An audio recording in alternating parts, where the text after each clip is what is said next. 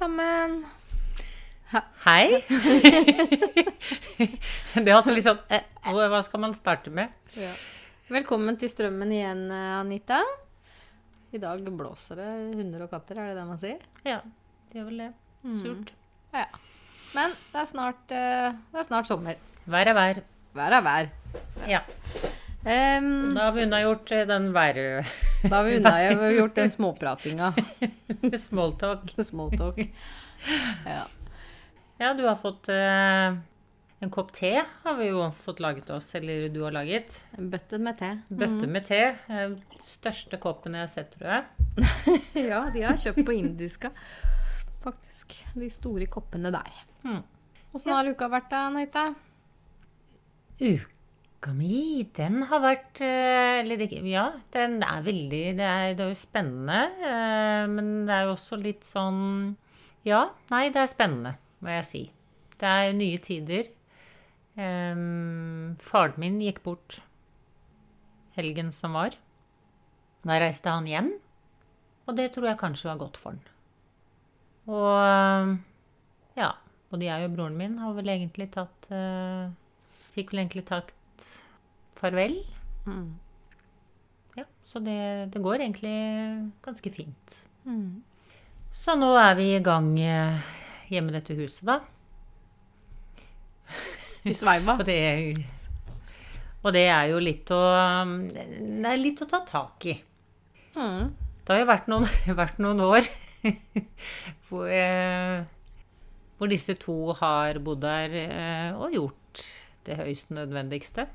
Så det er litt å rydde opp i, men det er jo litt moro òg. Eh, det er rart å være tilbake på gamle trakter og være tilbake. Det er, litt, det er nesten som å komme litt sånn tilbake til eh, utgangspunktet. Jeg gikk tur i nærområdet her. Jeg er jo veldig kjent rundt i dette området. Og det var en veldig god følelse. Jeg, jeg må si at jeg har en følelse at jeg nå har kommet hjem. At jeg har landet. Og jeg måtte gå og filosofere litt rundt den veien som har vært fra jeg bodde i dette huset sist gang. Ja, det er vel noen år siden. Eh, det er noen år siden. Og fram til nå, og den har jo vært ganske Jeg ble vel enig med at jeg har vært ganske kronglete. Men det har vært spennende. Eh, jeg føler vel egentlig at jeg har levd mange liv i dette livet. Mm. Det er utrolig hva jeg har rekt over. Eller mange kap kapitler Mange i boka. kapitler i denne Mm. boka. Mm. Eh, men nå føler jeg at jeg har eh, ja, Det ble nesten feil hvis jeg skulle si at jeg får komme til det siste kapittelet, for det har jeg, det har jeg ikke. Men jeg eh, har landet. Ringen er sluttet.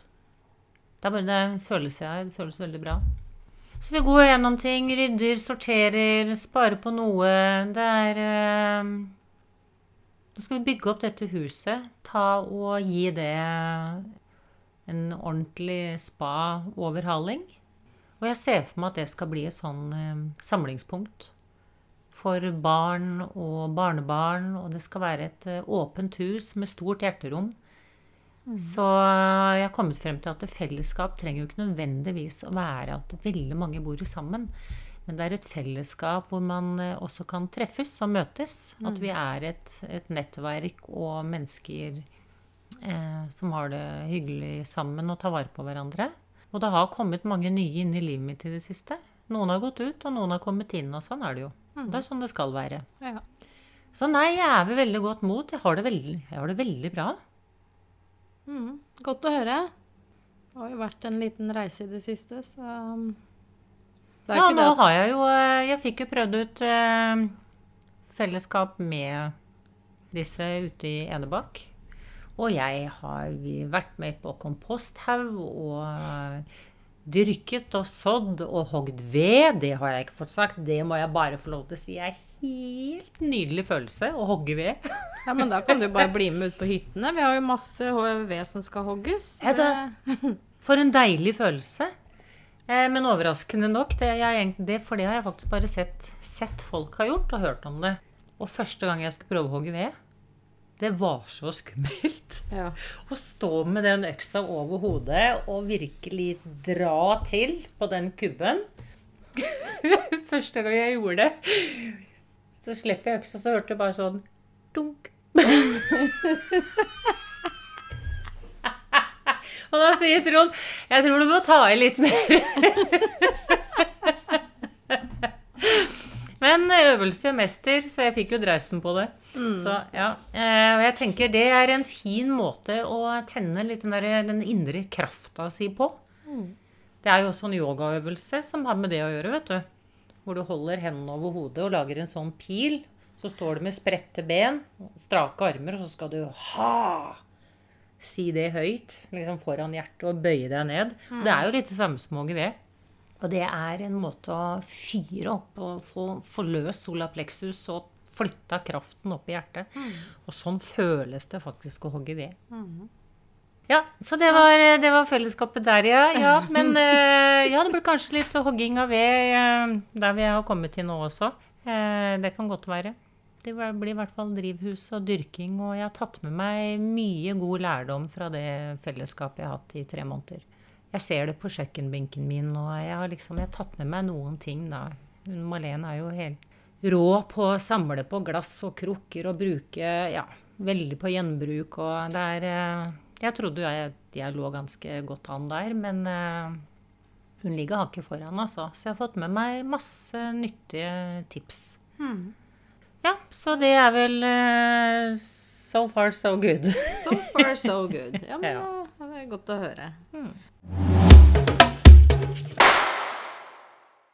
Eh, I dag så skal vi jo snakke litt eh, videre om Vi hadde lyst til å snakke mer om fellesskap. Vi var jo inne på det på fredagstacokvelden. Mm. Og jeg vil starte med å dele Kanskje ikke jeg skal dele alle historiene på en gang, men de, de, de historiene kan, kan fortelle oss noe. Jeg kan fortelle at eh, min, eh, min mor eh, forrige fredag, eller natt til forrige fredag, så ønsket ikke hun å leve lenger. Det er jo ikke noe hyggelig. Jeg skal ikke gå noe uh, dypere inn i den historien der. Men eh, i forhold til hvordan vi møter andre mennesker Katrine Aspaas snakker om eh, sjiraffspråket. Det å, å strekke halsen og, og se bakenfor. At vi tenker at alle mennesker vi møter på vår vei, har jo en historie og en bagasje. Vi vet aldri hvorfor de reagerer som de gjør. Er det en som blir litt eh, irritert i køen, så kan det være Altså, du vet ikke hva som skjedde den morgenen. Kanskje katten ble påkjørt av eh, naboen. Eh, Kanskje noen akku akkurat har mistet eh, barnet sitt. Du vet aldri hvilken tilstand mennesker er i. Og det, derfor så syns jeg vi, vi må tenke på at vi møter mennesker med en ydmykhet og en raushet og en medfølelse. Men eh, jeg hadde jo da snakket med sykehuset øh, den fredagen. Jeg visste at da hun hadde, var på sykehuset og valgte å dra et par timer på jobb. Jeg behøvde ikke det, men det syns jeg var greit. Så jeg satt i bilen og dro av gårde. Og så står jeg i et T-kryss. Og jeg, jeg er ikke jeg er jo ikke treig, eh, det syns jeg ikke. Eh, men så kjører jeg jo ut, da, for det var litt trafikk på veien, så jeg måtte jo vente. Så kjører jeg jo ut, men da syns jo tilsynelatende han som kommer på andre sida av krysset, at jeg var litt treig. Så da gir han meg fingeren.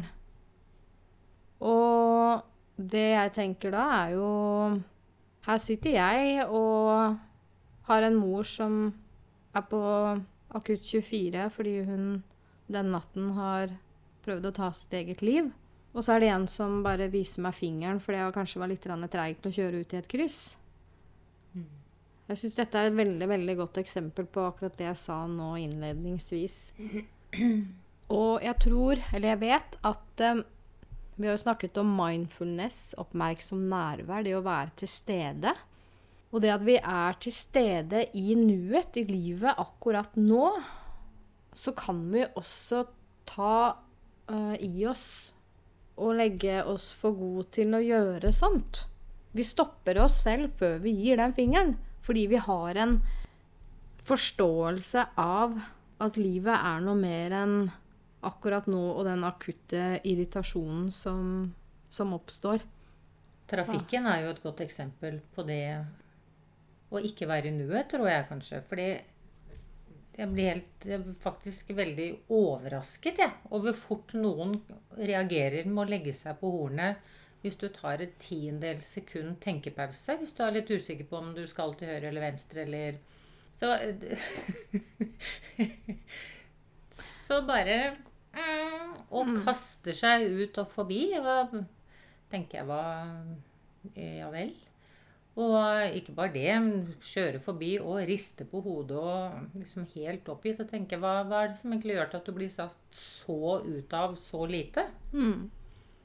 Det er jo noe med å trekke pusten en gang, og så løser jo situasjonene seg på en helt annen måte. Men, men du er, hvis ikke du er reflektert og til stede eh, i, i deg selv og nuet, så så ser du det ikke. Da klarer du ikke å trekke deg ut av den egobobla. Og det er jo flere ganger jeg kan kjøre i trafikken og også F.eks. en rundkjøring. da, Når du kommer inn, så er det jo gjerne du, du ser jo til venstre, du ser til høyre. Og så ser du kanskje en som kommer fra høyre som eh, ja, gir på litt, da. Mm. Og veldig ofte så er det jo den som da kjører inn i rundkjøringa og ser at den som kommer fra høyre, gir på litt. og begynner å stå på hornet, da.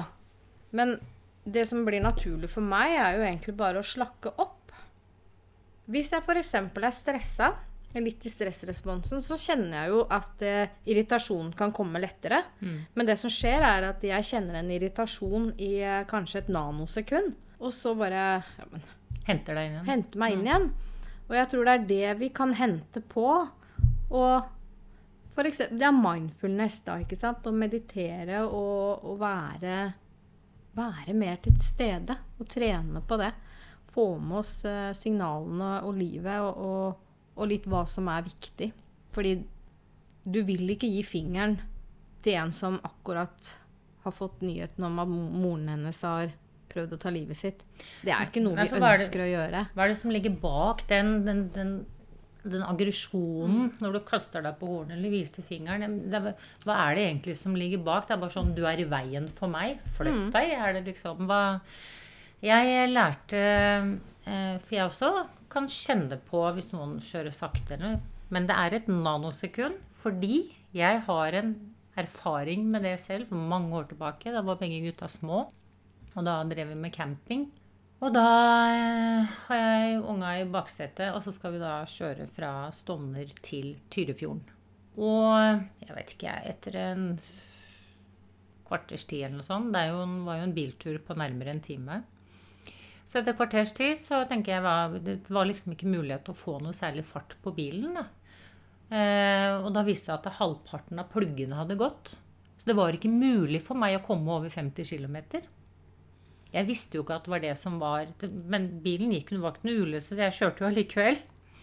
Eh, men 50 Tror det jeg fikk mye pepper på, det, på den turen til campingen. Men jeg fikk jo ikke gjort noe med det. Jeg fikk ikke kjørt fortere. Og jeg er klar over det at jeg ble da litt sinke, men det var jo, det var jo uforskyldt.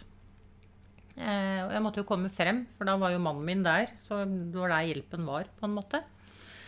Ehm, og etter det så For da husker jeg tenkte det. Så rart, så mange som reagerer. Men det er jo ingen som vet hva som egentlig pågår her. Og siden da så er det, har jeg det nanosekundet, og så henter jeg meg inn, og så puster jeg. Så hvis jeg ligger bak noen det er svingete veier, og det er litt under fartsgrensa, så tenker jeg ok, nå puster jeg, og så ser jeg på naturen, eller hører på musikken, eller Mm. Så kommer det snart en busslomme, eller ja, en løsning på det. Fordi den, det, det springer jo ut ifra en forståelse om at eh, det er noe mer enn bare det som du ser akkurat nå. Det er nok mye av den, den jeg og meg og personlig eh, For jeg har hatt mange sånne opplevelser opp gjennom årene. Jeg husker en gang også som jeg hadde hatt Jeg hadde bilen full av unger. Vi hadde vært og bada. Og så stopper jeg Jeg slipper av noen barn, da. Eller alle barna skal De går ut, for jeg skal da parkere et annet sted. Ja, For å si det sånn, da, så ble, sto jeg med sto, Det var jo ingen biler når jeg stoppet. Dette var foran blokka. Så hopper ungene ut, og så skal de bak i bagasjen og hente ut bager og sekker og sånn. Og jeg vet ikke hva det tok da. Si et minutt, da. Men akkurat da så kom det altså kom det et uh, ektepar kjørende mot, og de følte da at de ikke kunne kjøre forbi meg inn på parkeringsplassen. Og hvordan de satt inne i bilen der og, og liksom ristet på hodet og liksom Du vet sånn hendene oppe i været. Hva er det du driver med? Jeg tenkte Ser du ikke at det er, bilen, det er fullt av barn rundt bilen her som henter sekkene sine? Og så er problemet løst. Men eh, de klarte å fyre seg opp ganske bra på den korte tida. Så, Men det må jo ha noe med det Ja, tålmodighet. Det henger jo sammen med kontroll. Så ja. Ja, men jeg tenker, det handler jo også om å se det store bildet. ja. Og Litt utenfor seg selv. Litt lenger nestippen, kanskje. Ja. Og hvilke fellesskap er du en del av når du gjør sånn? Når du ikke kan evne å se det store bildet og forstå at ok, her kan vi jo på en måte hjelpe Mm. ved å bare senke skuldrene, for dette ordner seg. Mm. Så- men det er klart at de menneskene evner ikke det, for de lever så i De er så forknytt i ego. Eh, Så, så dette med mindfulness og meditasjon og tilstedeværelse, det er mental hygiene. Det må trenes på jevnlig, praktiseres. Akkurat samme som å pusse tennene. Så må vi meditere og øve på å være i stillhet og øve på å faktisk tenke litt uh, større. Ja, så det er vel det egentlig meldingen, da. At uh, neste gang noen foran deg Mm. i trafikken du kjenner på en irritasjon der, så Mm. prøv å hente inn og tenk at det kan være en grunn til at det er sånn. Ja. Det kan, ligge, det kan være noe bak. Mm. Og hvem vil du være i forhold til det? Nettopp. Det er alltid Det er jo egentlig det som Jeg husker jeg nevnte var vel i første, første episode, tror jeg. Sikkert mindre trafikkulykker òg. Absolutt. Fordi er du irritert og stressa, det er klart at eh, å drive og kjøre sånn aggressivt, det er jo å sette andre, andre i fare. Men det er den der kontrasten som jeg nevnte i første episode, tror jeg. Det der at det er jo i møte med andre mennesker eller eh, dyr, vesener, eh, situasjoner vi kommer i, hvor vi kan vise hvem vi ønsker å være. Hva ønsker du å være i forhold til det? Det er vår utfordring til eh, andre. Å kjenne litt på den eh, Stoppe opp. Hvis du kjenner den lille irritasjonen, så kan du Oi, nå kom det en liten sånn irritasjon. Hva forteller den meg? Og kanskje Ja. Må jeg handle etter den irriterte følelsen, eller kan jeg kanskje puste og så tenke at eh, Nei, men her kan jeg jo kanskje være et medmenneske.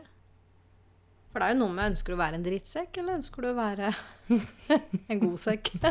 en god sekk. Det var faktisk en eh, Jeg har jo jobbet som treningsveileder og instruktør på treningssenteret i mange år. Og, du har jo, eh, og da husker jeg en av, det, en, av de, liksom, en av de tøffe gutta, og han hadde, han hadde temperament, han også. Jeg prata mye med han. Og jeg husker han en gang fortalte det at han eh, Eller vi sto i en samtale, så sier han ja, her om dagen og så skulle jeg ut der og eh, Så var det 'Tror du ikke han? Og så la han ut den historien, og Så sa jeg eh, Vet du hva du kan prøve neste gang, vet du? Neste gang så bare trekker du pusten. Og så smiler du til den personen isteden, og så bare venter du til den personen har kjørt forbi. Eller jeg husker ikke akkurat settingen, men du skjønner. det er jo... Og så går det en par dager, eh, kommer igjen på jobb. Så, står vi, så kommer han bort, så sier han Du veit hva? Det skal du ha, sa han. Han prata litt sånn. Det skal du ha. Jeg prøvde det i dag, vet du. Det kom bort eh, Det var en som eh, som eh, endte opp, og så sto han rett foran meg, og han drev og rota og surra litt. og Jeg så han ble litt sånn stressa fordi han sto i veien. Så smilte jeg til han. Så smilte han tilbake. Det var egentlig ganske ålreit. Så bra. Så takk for tipset, sa han. Ja, ikke sant? Det var jo Det var lysarbeideren sin, det, Ja, og han fikk jo liksom mulighet til den erfaringen eh, Mm. ganske kjapt. Så det var jo det var artig. Vi snakka jo litt om det sist òg. the power of a smile. Altså hvilken kraft det har. Mm. Ikke minst så følte han det bra òg. Mm. Ja, men det, det blir aldri feil å vise kjærlighet og smil. Det er aldri feil. Og helt oppriktig, du føler deg vel ikke god innvendig hvis du gir fingeren til folk eller skjeller de ut. Det kan hende at det føles godt bare for å, å få ut en sånn Men etterpå Mm. Jeg sitter jo igjen med en veldig tom og ubehagelig følelse i kroppen. Du får litt sånn ah, det var kanskje ikke nødvendig. Mm. Eller kunne jeg kanskje ha taklet på en annen måte. Ja. Mm. Ja, ja de, men, med, de, de møtene mellom mennesker hvor du, du får øyekontakten, og du forstår at her er det noen som ja, slipper av noen barn og noen sekker, og du gir dem et smil og sitter og venter. Altså den kontakten der, den er bare u, u, Hva kan jeg si? Ja? Det er ingenting som slår den. Du kjenner jo i hele kroppen at dette er riktig. Det er sånn det skal være. Mm. Og det handler jo om uh, fellesskapsfølelse. At vi er, uh, ja, vi er alle én, og vi bidrar og hjelper hverandre. Men det er klart, i trafikken ja, så ser man at det er ikke alle som tenker Men sånn. det, det, det merkelige er at eh, det kan Det er faktisk en del mennesker som er De er rolige. Når de kommer i trafikken, så blir de mister de med både lyd og bilde. Mm. Hvis det er noen som kjører sakte eller ligger i feil fil, eller Mm. Det er liksom å tråkke på gasspedalen og kaste seg sånn, ut sånn, og ja. feie forbi, liksom. Bare Ja. sånn demonstrere, liksom. Mm. Hvor idiot jeg er, da. Ja, som ligger Mm. Så ja, nei da, så. Eh, ja, det var jo den første historien som eh, ja, brukte for å sette, sette det litt i perspektiv. Dette med fellesskap og hvem ønsker vi å være, hvordan møter vi andre mennesker. Og så kan jeg jo, etter vi, har, etter vi la ut uh, den første episoden av Narsissisten, så sendte jeg en link til den podkasten til en eh, bekjent fra Spania. Altså vedkommende bor i Norge, men eh, jeg har jo leilighet i Spania, så var jo en, en del med både meg og, og min eks. Og mannen hennes eh, fikk jo en god relasjon, eller god kontakt, med min eks. Og så For jeg har alltid tenkt litt For vedkommende er psykiatrisk sykepleier. Og så har jeg alltid tenkt på om ikke vedkommende hadde lagt merke til at det var noe alvorlig galt, galt med eksen min. Fordi Dana Morningstar, som jeg har henvist til tidligere, hun er jo psykiatrisk sykepleier. Og hun har også personlig erfaring med forhold eh, med narsissister. Så da sendte jeg den linken og, og skrev det. Her er det en link til min podkast. Har mange ganger tenkt på om ikke du la merke til at det var noe alvorlig galt med min heks. Og det er jo en melding jeg føler man svarer på. Men jeg fikk ikke svar, da. Da gikk det to dager, så tenkte jeg nei, dette syns jeg ikke er greit. Så sender jeg en melding eh, helt vennlig og fin, altså ikke noe bebreidelser eller ufin. Jeg bare skriver at eh, jeg lurer på om hun hadde fått uh, lest meldingen, for jeg syns det var en melding man bør svare på. At eh, det er jo fra et medmenneske til et annet. Og da får jeg tilbake at eh, ja, hei, jeg har lest meldingen din. Jeg kommenterer ikke private forhold ut fra min profesjon. Ønsker deg alt godt. Og da blei jeg egentlig litt uh, overraska, på en måte. Fordi det er jo ikke det det handler om, hvilket yrke vedkommende har. Det handler jo om å være et menneske og et medmenneske. Og jeg tenker, er du psykiatrisk sykepleier, så kan det hende at du har litt mer innsikt i tegnene på personlighetsforstyrrelser. Eh, så Og da tenker jeg litt på det som du snakka om òg, at det, det er et tankskip å snu. Og jeg tenker hvordan i all verdens rike skal vi greie å snu et tankskip med forvridde holdninger og fordømmelse og separasjon når ikke engang en psykiatrisk sykepleier evner å være et medmenneske utenfor arbeidstid? Da jeg blei Jeg blei skuffa Mm. som et menneske. Og det er jo den derre separasjonen som den hendelsen der viser. Jeg er oppvokst med en mormor som eh, Eller besteforeldre som var veldig sentrale i Milorg. Bestefar hadde ansvaret for kommunikasjon mellom Norge og London. Og når mormor var noen og 20 år, så hadde hun Gestapo i hælene nedover Karl Johans gate. Noen hadde angitt henne. Og endte jo på Grini. Og der har bestefar vært òg. Og begge blei torturert. Det er liksom så langt fra hvordan vi har det, da. Du og jeg, Anita, sånn som vi er vokst opp. Og tenkte jeg, når du er noen og 20 år og løper ned Karl Johans gate eh, med Gestapo i hæla Mm. Og snakk om da å stå opp for Det er ikke så viktig for meg å si fedrelandet, fordi det er liksom bare Det er ett land, og det er verden og kloden vår.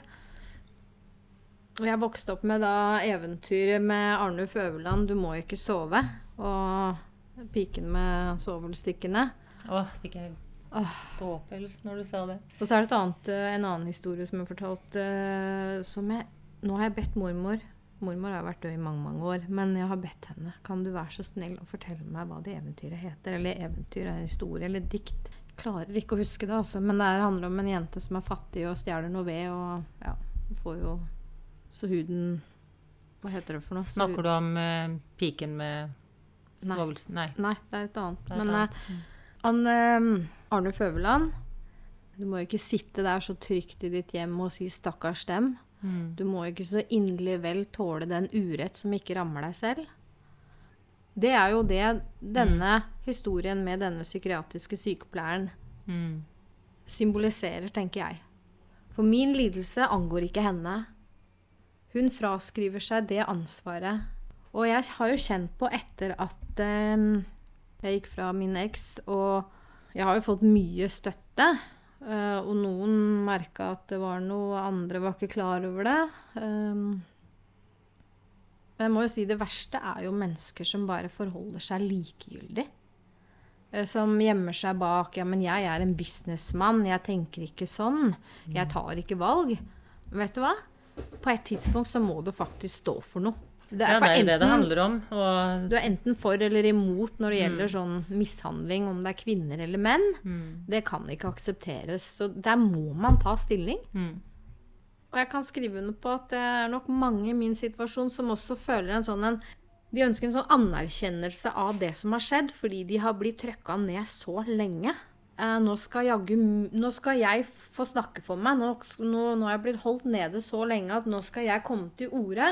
Og jeg skal ha anerkjennelse for det som har skjedd meg. Eh, så de som da ikke støtter meg, de som forholder seg nøytrale For vi, vi, snakker ikke om noen småting her. ikke sant? Vi snakker jo om mishandling på både fysisk og psykisk og mm, Så sånne tasseladder som ikke tør å stå for noe, mm. de bare rett ut, altså. Nei, jeg tar ikke noe parti, jeg tar ikke noe valg. Ja, det er jo egentlig Jeg å si at forholder meg nøytral, jeg. Ja, ja. Men beklager, det kan du ikke. For det, det er akkurat det som følger å være et menneske. Mm. Du må faktisk stå for noe. Du må ta noen valg, og det er ikke alltid like behagelig. Men uh, hvor står du hen? Og så er det kanskje uh, Savne litt mer Men det har jo litt med en grunnleggende forståelse av hvem vi er òg, da. Eh, men søsterskap Vi kvinner, vi er jo opprinnelig så skal vi være Vi, en, en, vi trenger hverandre for å kjenne på at vi er med i en, en tribe. En, at vi har støtte, og vi er, vi er et fellesskap med kvinner oss imellom. Og stå opp for hverandre. Fordi det har jo vært en tøff Det er jo en tøff historie som kvinnen har gått igjennom på mange måter. Og vi må finne tilbake til det. Vi må finne tilbake til det hvor, vi, hvor, vi ikke, hvor det ikke er å misunne og snakke ned og holde ute og eh, For det er altfor mye av det, og det er det jo mange menn som sier. Og de sier ja, dere jenter, dere er, eh, dere er så stygge mot hverandre. Hvorfor det? Vi trenger hverandre. Historie Kvinner som går bak ryggen på en annen Uh, ja, Nei, det det Ja, er er ikke bra. Vi skal kunne lene oss på hverandre, vi, for vi er mm. søstre. Ja. Da kan jeg jo fortelle at uh, etter at det hadde blitt slutt mellom meg og min eks, så det opplever mange. Da går det vips, bare noen dager, så ligger det bilder ute på Instagram med ny dame. Mm. Og det som er helt klart, er jo at da har jo denne dama vært i idealiseringsfasen, lovebombing og smørningsfasen, i en overlapping. Mens eh, jeg, eller han var jo i kastefasen, var jo jeg som, som, som gikk. Men så ser jeg navnet hennes, og så begynner det å legge sammen to og to. Og så gikk jeg lenge og tenkte på om jeg skulle sende en eh, mail, mel melding til henne. Og jeg husker jeg var hos deg, Anita, Og sa jo akkurat det at jeg tenkte på at jeg skulle ønske å advare henne mot min eks. Og intensjonen kommer fra hjertet, fordi jeg vet jo at mannen er gal og farlig. Så jeg ønsker jo ikke at um, noe skal skje henne. Det var en som sa uh, Det er jo flere som har sagt at Nei, men behold deg unna, det er ikke din business. Det er ikke ditt bord. Det er ikke mitt bord.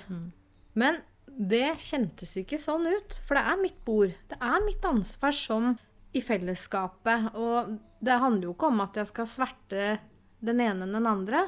Um, men det var en som sa at eh, hvis det skjer denne jenta noe, Line, så kan jo ikke du leve med deg selv. Så du må jo bare gjøre det. Og du sa jo til meg sånne menn som han må jo bare stoppes. Ja. Og det er akkurat det jeg sier også. Sånne menn som han må stoppes. Så vi må i hvert fall gjøre det vi kan. Og så venta jeg litt sånn på timing. Jeg hadde skrevet alt sammen.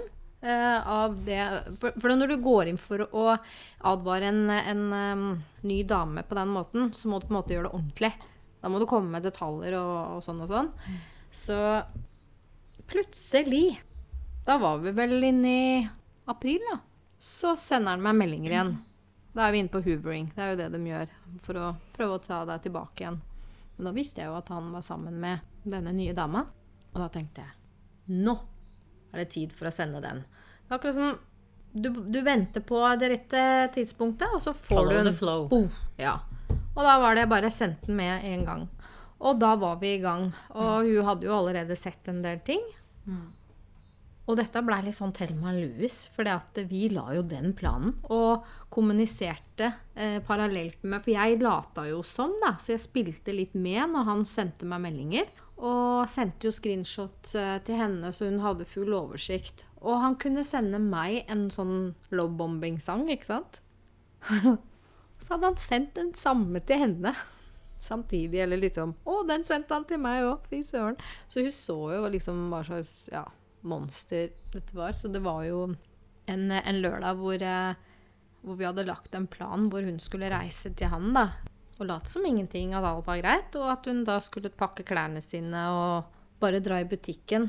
Og late som om hun skulle kjøpe noe mat da, til middagen sammen med han. Men da blei hun bare borte. Og så kom jo bomba. Så hun, ja, han trodde hun var i butikken og handla, mens hun bare da dro av gårde uten at han visste at hun hadde stikket av gårde. Så hun eh, kom seg jo unna. Og i ettertid så har eh, fant vi ut at hun ble jo sammen Han ble jo sammen med en ny en. Og der fikk jeg også den derre Da ville hun at jeg gjerne skulle sende den nye en eh, advarsel. Men så fikk jeg meg aldri til å gjøre det. Det angrer jeg på nå. Men eh, jeg har jo kontakt med henne også, for hun gikk jo òg på en kjempesmell. Og nå er han jo en gang med, med en tredje. Men moralen de viser her, er jo det ansvaret vi har som mennesker. Mm. At vi må tørre å ta noe ansvar. Men det er jo ingen som har turt å stå for noe eller mene noe som ikke har uvenner og fiender. Så har du ingen fiender eller uvenner, så har du vel antageligvis aldri turt å stå for noe. Aldri turt å si fra noen ting. Mm. Jeg syns det du sier er kjempeviktig. Um, det er også et ord som stadig, som stadig dukker opp. Det er dette med ærlighet. Eh, Først og fremst er det jo ærlighet til seg selv. Det starter jo med det. Men det er godt å vite Det hadde vært så godt å vite om vi hadde vært en tribe, da. Jeg har jo en erfaring på Jeg må jo si at når jeg hørte på Narsissisten Jeg hørte på den i bilen når den kom ut. Jeg var jo her, men jeg, når jeg satt og hørte på den, så ble jeg nesten litt uvel. For det slo, det slo meg da at eh, det var, var jo ikke ukjent for meg, mange av de tingene du tok opp. Og jeg skjønte jo at uh, mang en gang så har jeg gått inn i rasjonalisere episoder. Fordi man har enten valget at du må gå der og da, eller så må du finne en måte å leve med det på. Um, jeg husker Alex Rosén eh, sa en gang eh, Det var et TV-program han hadde. og så, ja, Han sitter og skravler, som han gjør. Det går i 100. Men så sier han Grandiosa, det er jo Skal jo være nasjonalretten til Norge. Men det er jeg skikkelig uenig i. For jeg vil heller si at det er kameler, sann. Det er kameler som er Norges nasjonalrett. Vi svelger så mange av dem. Vi svelger, unna kameler. Jeg syns egentlig det var veldig fint. Eh, nei, så jeg, eh, jeg eh, Det gikk opp for meg litt Hva skal jeg si? Det ble litt sånn klart for meg. Så jeg, det, det var, eh, var rart å sitte og høre på det, egentlig. Og, for meg selv, da. Men jeg har jo også vært borti eh, dette her med ærlighet. Det er jo noen ting som er vondt for oss alle sammen. Og som, vi, eh, som går inn på oss. Og det er jo å bli svikta. Og det er å bli avvist. Det er å bli ført bak lyset. Ikke sant? Alle vil vi jo vite at vi kan stole på mennesker og ha noen å lene oss på. Men allikevel så er det Og alle vet dette, men allikevel så er det så enormt mye. Utroskap, fisking etter anerkjennelse, være i et partnerskap og allikevel ha andre på gress. Ikke nødvendigvis at man gjør noe fysisk, men det er liksom Vi har jo nettet, da, ikke sant. Det er masse på nettet. Og stadig ute og får tak i komplimenter eller ha noen samtaler bak. Dette er jo noe som er, tror jeg, dypt ødeleggende for oss alle sammen. Men det som er så oppsiktsvekkende, er jo at eh, alle syns vi det er vondt. Og også de som gjør det. Men det å Hvis denne ærligheten hadde fått mer plass, da. For jeg har jo hatt en opplevelse hvor eh, eh, I et partnerskap hvor da min partner er ute etter og, og fisker. Hvor denne kvinnen da sender meg et screenshot av samtalen. Og hvorfor hun gjør det. Hun vil at jeg skal vite det. For hun vil ikke holde på med noe hokus pokus bak min rygg. For hun vet selv hvor vondt det er. Mm. Og sånn burde det være. Ja. Jeg Det er noen som sier det at eh, ja, nei, ja, jeg holder på med en gift mann. Ja, for der um, Hva om du selv hadde vært den andre kvinnen? ja. Hvorfor, hvorfor, for, hvorfor, ikke, for, hvorfor ikke snu bildet og tenke deg selv i den samme situasjonen? Mm. Og så er det mange som sier ja, nei, men det er jo den, den som er gift, som har ansvaret. Nei, det er ikke det. For det handler om hvem er du? Det handler ikke om den som er gift. Det handler om hvem er du. For eksempel, jeg var, jeg var, som jeg har sagt, jeg har reist mye. Jeg, jeg var i et forhold. Og så skal jeg ut på en tur. Det er en, en studietur som var planlagt. Og ikke for det. Jeg ser ingen grunn til at ikke jeg skulle ta den turen. Eh, og Jeg ble altså bombardert da med meldinger hva jeg drev med, og det ble mange sånne merkelapper. Ja, eh, du møtte vel på det, og møtte vel på det, og det var mye sånn sjalusi i meldingene, da. Hvorpå jeg måtte prøve å fortelle ham at eh, du må forstå det at jeg, jeg er ikke utro. Men det er grunnen er ikke for at jeg ikke skal være utro mot deg. Men det er fordi at jeg har en integritet overfor meg selv. For jeg vil ikke være utro og komme hjem til deg og stå og se deg i øynene og si nei, alt er bare fint. Det er ikke henne jeg vil være. Nei, og det er jo det det koker ned til, egentlig, når det gjelder alt. Det er jo hvem ønsker jeg å være? Hvilke verdier har jeg? Hva står jeg for? Hvilke holdninger? Og det er ditt kompass. Og hvis du følger det kompasset, så blir det aldri feil. Men så har vi jo da ja, at vi lever i egoet, i bomullsrealiteten. Og integriteten vår, den bare synker og synker den hvis vi går på tvers av våre holdninger og verdier. Og derfor så blir vi jo etter hvert eh, forknytte, irriterte, sinte. Ja, jeg har jo en konkret venninne som, eh, som har stått i med en gift mann. Og hun, det er jo ikke lenge siden hun sa da til meg For jeg sa Er du jeg, husker, jeg, jeg husker ikke hva jeg sa. Jeg bare eh, ikke kritiserte, men jeg sa at det er vel ikke noe greit å være med en gift mann. Men det er jo ikke mitt ansvar. Mm. Og, og da sa jeg jo, det er jo i aller høyeste grad ditt ansvar. I aller høyeste grad. Du er jo med på det. Og syns du det er det Er det ok? Syns du det? Oppriktig? For all del. Hvis du personlig syns at det er helt greit å være utro, så er det vel helt greit for deg å være utro. Da går det jo ikke på bekostning av integriteten din. Men jeg tror ikke egentlig det er en sannhet. Da har du nok ikke helt kontakt med kjernen i deg sjøl hvis du syns at det er greit. Det Vet du hva? Det, eh, utro, det ligger jo i ordet, da. Ikke sant? Du er ikke tro mot en som, som forventer det av deg. Det er jo så enkelt som det.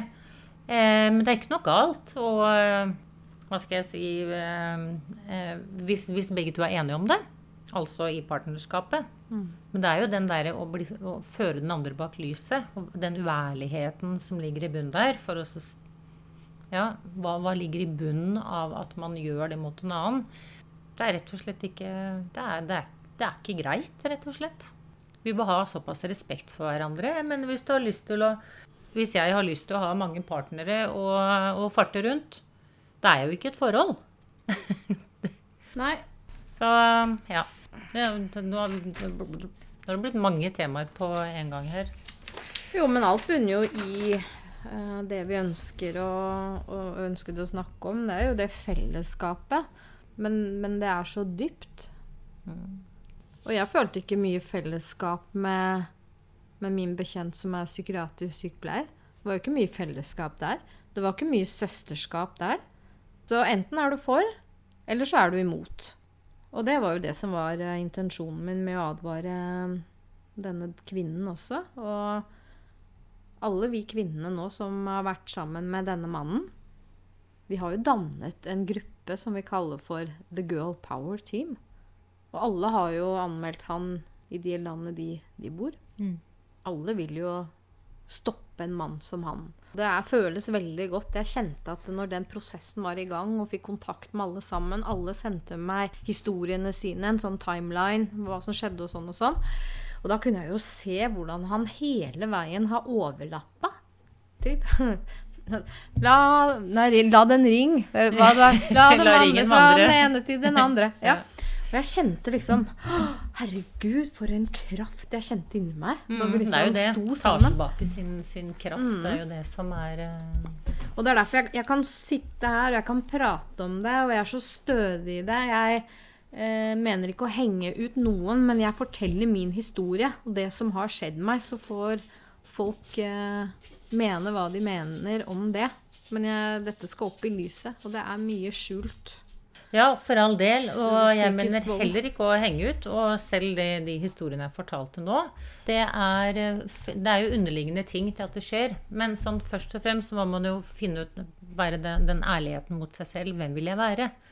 Og sjekke litt hva er det som ligger under til handlingene. Fordi de kan jeg forstå. For jeg vet hva det handler om. Det handler om å få noen bekreftelser og føle på at man har en betydning, fordi man egentlig kanskje føler seg litt alene, man ikke føler seg nok. Eller dette er jo gamle ting igjen, da, triggere, ikke sant, som kommer til overflaten. For det er jo faktisk sånn at eh, det er jo underbevisstheten. Den styrer 95% av handlingene våre. Og 5% er det vi tror om oss selv.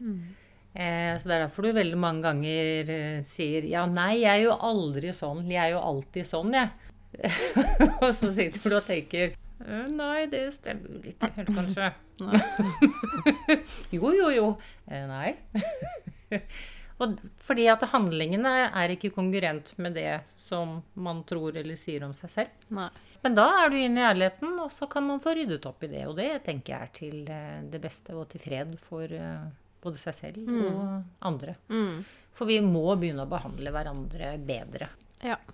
Vi må ta vårt ansvar i Ja, ja, fellesskapet. ja. Og ha en forståelse for de underliggende. Mm. Eh, jeg, vil gjerne, eh, jeg har litt lyst til å bytte ut eh, ordet traume med, med sår.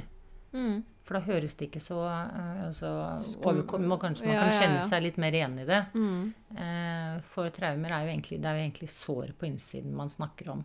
Som da i, kommer ut på forskjellige måter. Mm. Og kanskje ikke alltid Noen dypere enn andre. Og for ja, andre. Eller seg man trenger kanskje mer profesjonell si, hjelp. Mm. Nå vil jeg jo si at mye av psykiatrien i Norge kommer veldig til kort, da. Det, synes jeg, det bunner i en liten forståelse av hvordan sinnet fungerer. Og jeg har jo hatt litt utfordringer med Jeg har en del erfaring med selvskading og selvmordstanker. Og jeg husker jeg fikk beskjed fra BUP når eh, jeg hadde en datter som var der, at um, ja, men vi kan ikke begynne med mindfulness på en 16-åring, vet du.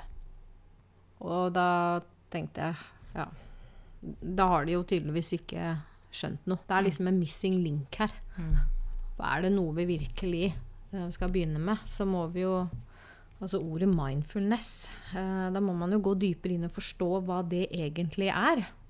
Og det handler jo om at man i sin indre reise og i stillheten får kontakt med en visdom som igjen da gir deg den forståelsen som gjør at du kanskje du blir sittende mer bakpå, og at du observerer, og så oppfatter, og så handler mer riktig ut ifra hvem du er.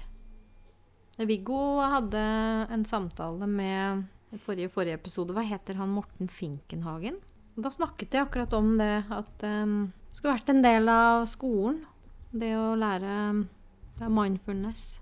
John Cabot-Zinn er jo han som tok med seg mindfulnessen inn i vår del av verden. Men det har eh, Det skjer faktisk veldig, veldig mye bra der ute. Det skjer masse bra rundt omkring i verden, og det er flere land og skoler som eh, har nå startet både med yoga og meditasjon på elever. Og eh, det er ikke så lenge siden jeg hørte om eh, faktisk to av de store sykehusene i USA har begynt med healing som behandling. Mm. Så nei, det er, det, er, det er, mye bra som skjer der ute. Altså. Det, ja da. Og vi er jo i en og endring. I forhold til den retningen, da. At mm. man tenker eh, Men hva tenker du er sinnet? Sinnet er jo Vi opplever jo alt gjennom sinnet. Eh, når du går ut og er, erfarer livet, og det du ser og hvordan du oppfatter det, det er jo eh, Hva skal jeg si um, og det handler jo om hvilke briller man også har på seg. da, Som jeg sa, husker jeg sa i første episode I don't see the haters because I have my love glasses on. Så sinnet er jo det på en måte vi Vi opplever jo livet eh, gjennom sinnet vårt. Og det må vi ta vare på. Og ha det rent. Mental hygiene. Vi pusser tennene for å ha te rene tenner. Ja, da bør vi meditere og jobbe med indre arbeid for å ha et rent sinn, slik at vi kan observere og handle ut ifra og det rette, da. Hvis du tenker uttrykket kropp, sinn og sjel Kroppen er det fysiske. For det du snakker om nå, det er nemlig, det, det er nemlig energi. Det er det energetiske legemet. Og det er gjennom sinnet at vi eh, observerer og tar til oss og eh, transformerer på innsiden. Det er der så ikke sant? Det er, det er det som tar inn informasjon og gir ut informasjon. Mens kropp Hjernen går jo inn under kropp. Det er kroppet, kroppen. Og så har du sinnet, som er dette som er kommunikasjonen og følelser og den delen. Og så er det sjelen, som er din, din identitet, din sparkle, din egen sparkle. Det som er interessant mm. med sinnet, er at eh, det er både vårt eget Vi har et individuelt sinn, men sinnet vårt er også kobla til det kollektive. Mm. Og det er også noe som eh, er fint i forhold til å sette seg inn i stillhet, for da hører man sin egen stemme i det mm. sinnet, og så blir man ikke påvirket av alle de andre fra det kollektive. Det kan vi prate litt dypere om en annen gang. Mm. Nå tenker jeg kanskje vi skal avslutte. Ja, og da vil jeg um, avslutte med de fire leveregler av Don Miguel Ruiz. Og jeg tenker at hvis vi alle hadde kunnet forholde oss til de fire reglene, så hadde verden vært et mye bedre sted å være. Men det krever noe av oss å etterleve det. Og det er jo det at vi må stoppe opp litt, legge fra oss våpnene og finne ut egentlig hvem er det jeg er, og hvem ønsker jeg å være.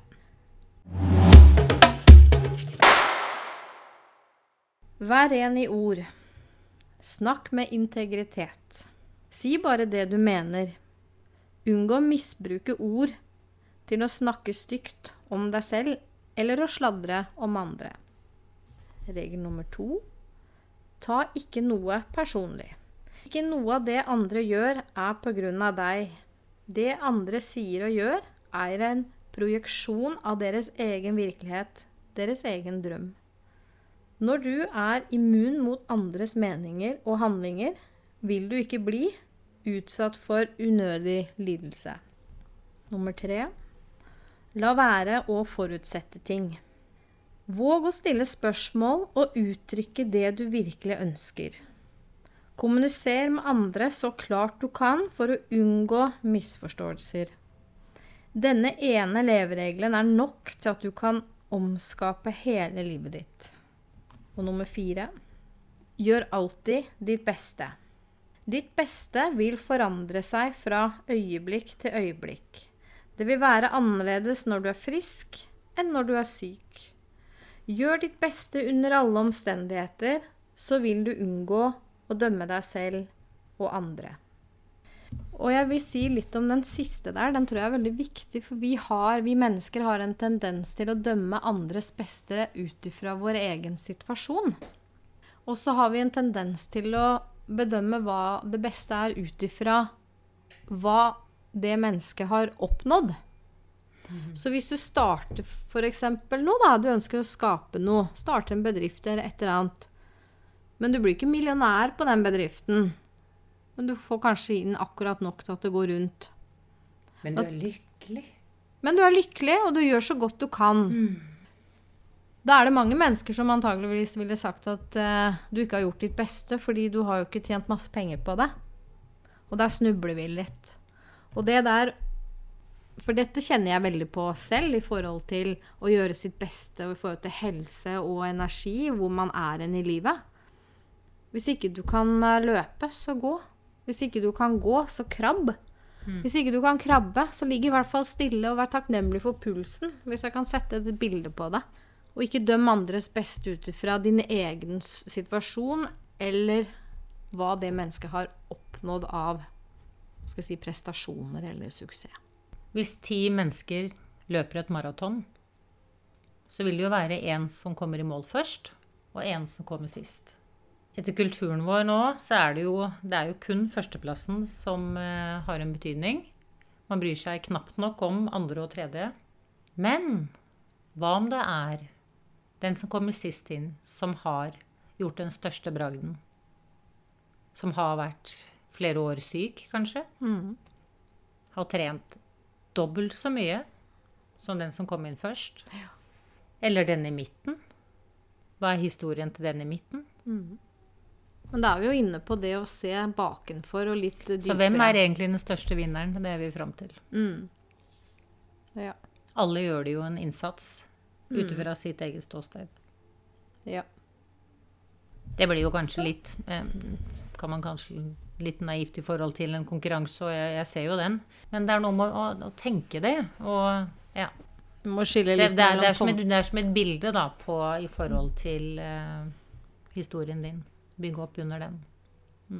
Og hvis du vil være med på det rotteracet, og du kommer i mål som førstemann, så er du fremdeles en rotte. Ja. Det var en setning jeg hørte Jeg her, og det det før, jeg men jeg var er litt usikker på hvor det kom fra, om det var hele. litt usikker på det bare var et lite utdrag. Nei, men det, var- var, eh, ja, det var egentlig en setning fra podkastepisoden med, med Viggo og denne legen Morten Finkenhagen. Jeg tror det er Morten Finkenhagen han heter. Mm. Så jeg bare syns den var litt kul, da. ja. Ja, ja, Hvis du er med rotteracet, og du kommer i mål som førstemann, så er du fremdeles en rotte. Ja, det var en fiktiv Ja, ja. maraton også. Ja. Jeg skjønner at det må være en første, førsteplass på en konkurranse. så Men det er noe med det at hvis du løper et maraton og du løper med ett bein, så er det klart at du bruker lengre tid enn uh, en med to.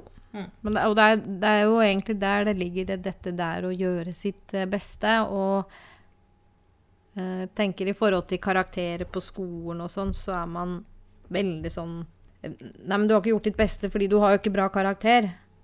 Men det kan hende at den, det barnet har gjort absolutt sitt beste. Det er vel Albert Einstein som um, har sagt noe sånt som um, Hvis du måler en uh, gullfisk Intelligensen til en gullfisk ut ifra hvor god han er til å klatre, Mm. så husker jeg ikke helt hvordan den går, da. Nei, du husker ikke det? Nei.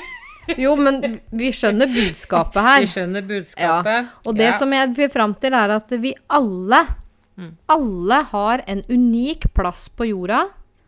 Alle som kommer hit. Og jeg, det er utrolig viktig at vi finner det. Det er jo bare menneskene som har denne samme boksen hvor alle skal være like og strebe etter det samme. Sånn, ja. Og så er Jeg mener ikke det som absolutthet, men eh, ja. Eh, Men naturen, da. En fisk svømmer, og en apekatt klatrer og Ja. Ja. Så med det så ønsker vi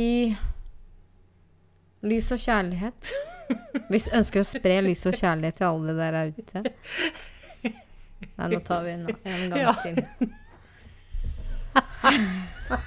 Da har vi rota, da har vi rota oss bort noe skikkelig på slutten her. Altså. Nei da. Jo, Ja, men det er nå er det ordentlig Nei, men da tenker jeg vi sier takk for nå, jeg, Anita. Så sender vi ut masse lys og kjærlighet ut til alle sammen. Lys og kjærlighet. Ha det bra. Ha det.